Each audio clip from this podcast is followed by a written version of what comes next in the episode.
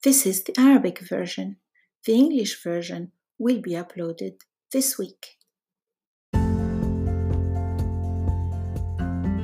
صديقتي تجري عملية جراحية هذا الشتاء.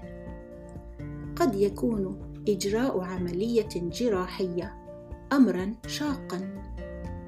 أرى وجهين مشرقين في قضيتها. الأول هو أن هذه العملية ستحل مشكلتها الصحية، والثاني هو أنها ستكون سعيدة بالتعافي في منزل دافئ حيث تجرى العملية في الشتاء. كان من الممكن أن يكون الأمر مختلفا لو كانت العملية مقررة في الربيع أو الصيف. If you like my podcast, you will like my books on Amazon, my YouTube channel, my other podcast, and my blog, all in my bio. Feel free to buy me a coffee. You can read this with me on my YouTube channel, Things You Need to Know About Arabic